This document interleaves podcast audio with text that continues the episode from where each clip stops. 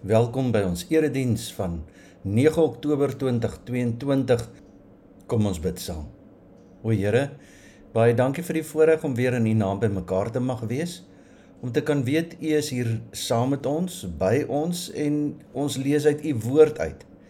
Help ons dat ons die woord sal verstaan, begryp en deel van ons lewens laat word. Help ons dat dit ons sal verander, dat ons meer en meer sal word soos U ons beplan het om te wees. Dankie Here dat U ons liefhet.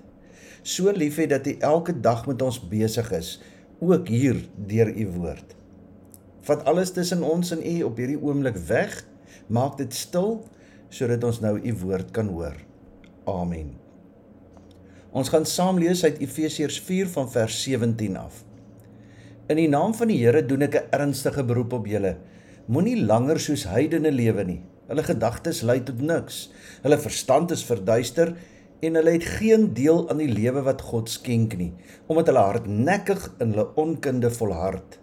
Hulle het heeltemal afgestomp geraak en hulle met 'n onversadigbare drang aan losbandigheid oorgegee om al wat vuil is te doen. Maar dit is nie hoe jy Christus leer ken het nie. Julle het tog van hom gehoor en omdat julle sy volgelinge is, is julle onderrig volgens die waarheid wat in Jesus is. Hou dan op om te lewe soos julle vroeër gelewe het. Breek met die ou sondige mens in julle wat deur sondige begeertes verteer word. Julle gees en gedagtes moet nuut word. Lewe as nuwe mense wat as die beeld van God geskep is. Lewe volkome volgens die wil van God en wees heilig. Nou dat julle die valsheid afgelê het, moet julle onder mekaar die waarheid praat. Want ons is lede van dieselfde liggaam. As julle kwaad word, moenie sondig nie en moenie 'n dag kwaad afsluit nie. Moenie die duiwel vat kans gee nie. As iemand 'n dief is, moet hy ophou steel. Hy moet deur harde werk op 'n eerbare manier self in sy lewensonderhoud voorsien. Dan sal hy iets hê om vir die armes te gee. Vuiltaal moet daar nooit uit jou mond kom nie. Praat net wat goed en opbouend is volgens die eis van omstandighede, sodat dit julle hoorders ten goeie kan kom. En moenie die Heilige Gees van God bedroef nie, want hy het julle as die eiendom van God beseël met die oog op die verlossingsdag. Moet nooit verbitterd of opvleend wees of woedend word nie. Moenie vloek of skel nie, moet niks doen wat sleg is nie.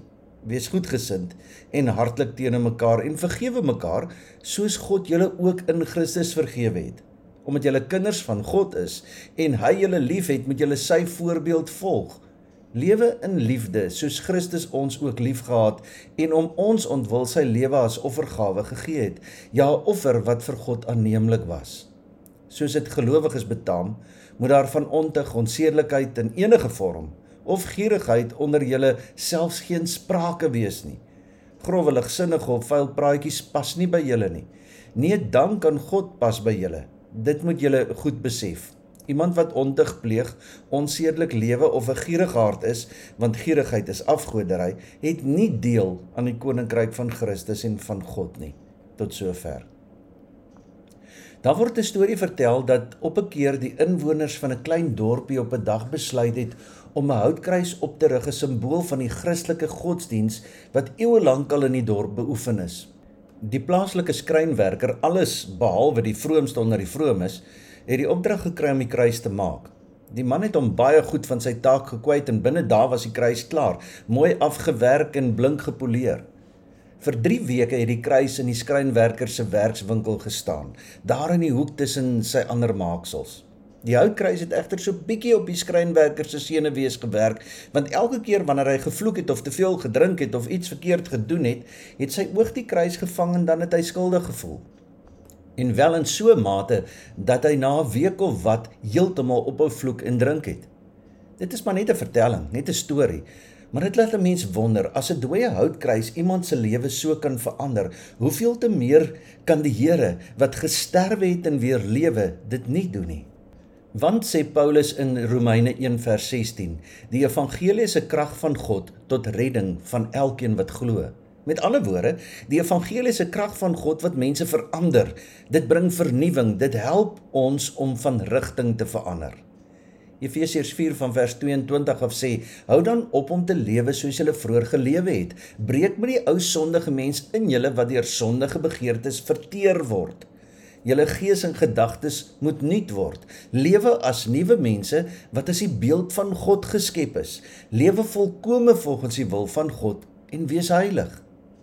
Dit help ons om al ons prioriteite net weer te weeg, te toets en waar nodig te verander. Dis onmoontlik om die evangelie te hoor, dit te aanvaar, maar nie te verander nie. Dit beïnvloed en verander ons lewe, ons begeertes, ons gees, ons gedagtes. Dit verander my hele wese, liggaam, siel en gees. Ons is deur God geskep, na sy beeld geskep, maar ons sonde, ons keuses, ons begeertes het hierdie beeld van God in ons kom verdraai.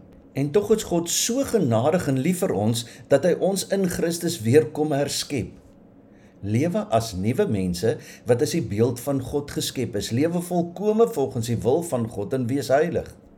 En hoe lyk hierdie heilige lewe? Efesiërs 5 vers 1 en 2 sê: Omdat julle kinders van God is en hy julle liefhet, moet julle sy voorbeeld volg. Lewe in liefde soos Christus ons ook liefgehad en om ons ontwil sy lewe as offer gegee het, ja, 'n offer wat vir God aanneemlik was. Die verandering in ons lewens is nie net 'n verandering na binne nie, maar juis ook 'n verandering na buite. Leef liefde. En oor hierdie verandering wat die evangelie in 'n mens se lewe bring, is Paulus hier in Efesiërs baie duidelik. Kyk watter pragtige beelde gebruik hy om iets te sê van die verskil tussen die wêrelde van die ou mens sonder Christus en die nuwe mens in Christus. Efesiërs 5 vers 8.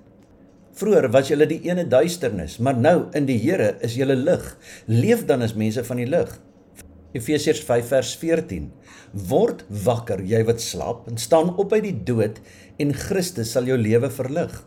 Efesiërs 5 vers 15. Wees baie versigtig hoe jy lewe, nie soos onverstandige mense nie, maar soos verstandiges. sien, hierdie verandering is drasties van duisternis na lig, van slaap na wakker, van onverstandig na verstandig wees. Of soos Paulus in 2 Korintiërs 5 vers 17 sê, iemand wat aan Christus behoort, wat aangeraak is deur die evangelie van redding as krag van God, is 'n nuwe mens. Die ou is verby, die nuwe het gekom. Wat meer is, sê Paulus, Hierdie verandering raak die hele mens. Dit raak sy gees en gedagtes, Efesiërs 4 vers 23, sy tong en taal, Efesiërs 5 vers 14, sy sedelike lewe, Efesiërs 4 vers 19 en, en sy werk, Efesiërs 4 vers 28. Met ander woorde sê Paulus eintlik, die evangelie eis alles van die mens op. Daarom kan hy in Efesiërs 4 vers 22 sê: "Hou dan op om te lewe soos jy vroeër gelewe het. Breek met die ou sondige mens, lewe volgens die wil van God en wees heilig." Hou op, breek, lewe volkome volgens die wil van God. Dis sterk woorde wat Paulus hier gebruik. Daar bestaan nie iets soos 'n halwe gelowige nie. Want die evangelie sê Paulus is nie tevrede met 'n aanpassing van ons lewens nie, maar wel 'n verandering van ons lewens. Hoekom beklemtoon ek hierdie saak van verandering so geweldig? Ons ken dit mos. Ons weet dit mos. Ons het mos al daarvan gehoor. Ons probeer dit soms. Kom ons antwoord hierdie vraag met nog 'n vraag. Hoekom beklemtoon die Bybel hierdie saak van verandering so geweldig?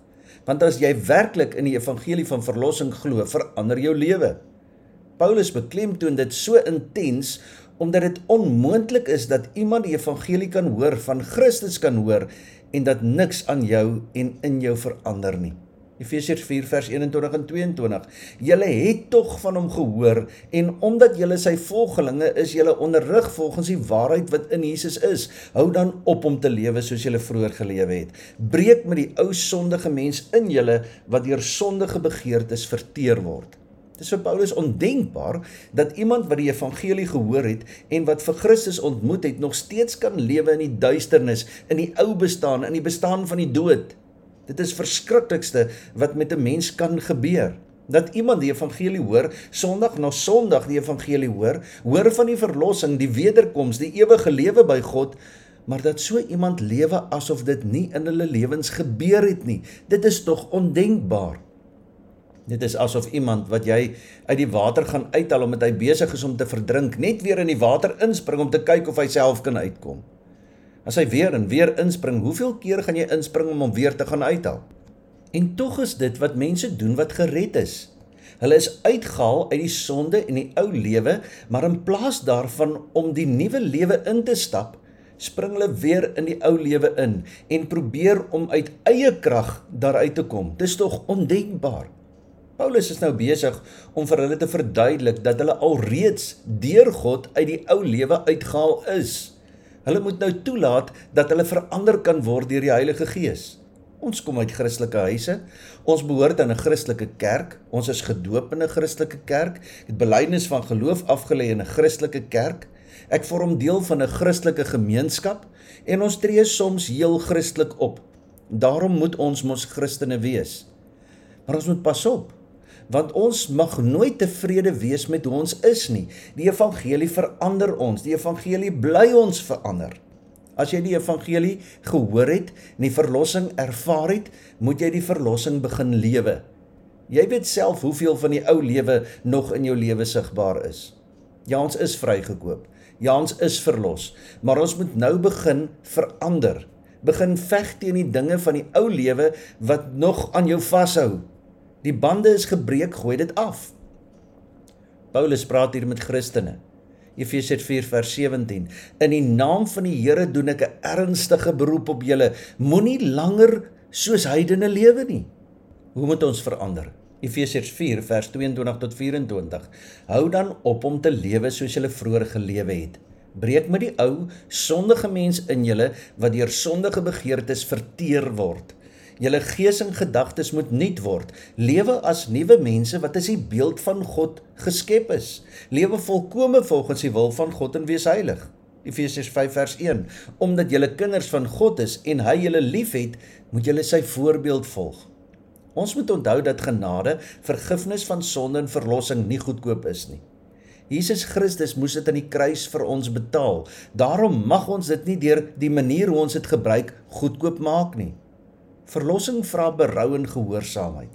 Sonder Christus en die krag van die kruis wat mense verander, is geloof in godsdiens net 'n gewoonte. As ons waarlik kerk wil wees, as ons kerk vir onsself en ander wil wees, as ons kerk wil wees vir 'n land vol doodslag, geweld, korrupsie, sal ons weer die betekenis van duur genade moet ontdek. Genade is duur gekoop. As jy nie wil verander nie, dan maak jy dit goedkoop. Efesiërs 4 vers 17 In die naam van die Here doen ek 'n ernstige beroep op julle. Moenie langer soos heidene lewe nie. Ek lees weer vers 22 tot 24 Hou dan op om te lewe soos julle vroeër gelewe het. Breek met die ou sondige mens in julle wat deur sondige begeertes verteer word. Julle gees en gedagtes moet nuut word. Lewe as nuwe mense wat as die beeld van God geskep is lewe volkome volgens die wil van God en wees heilig. Omdat julle kinders van God is en hy julle liefhet moet julle sy voorbeeld volg.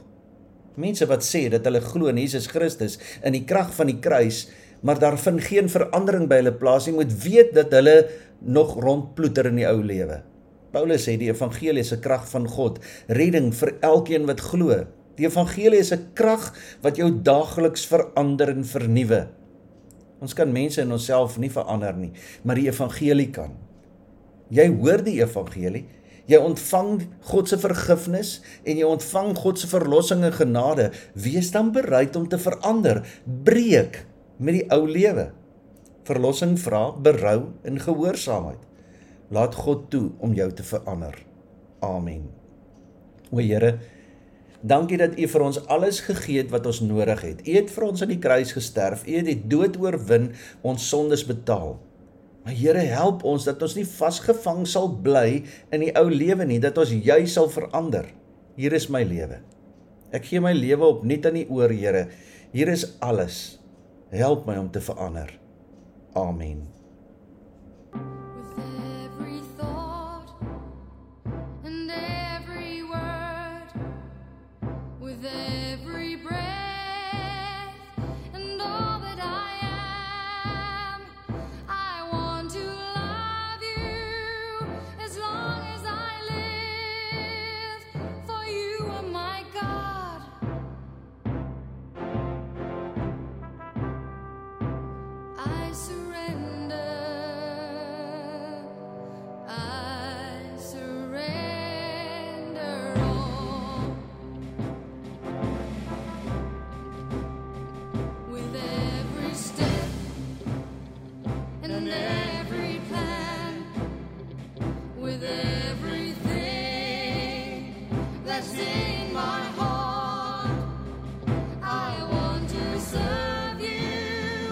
as long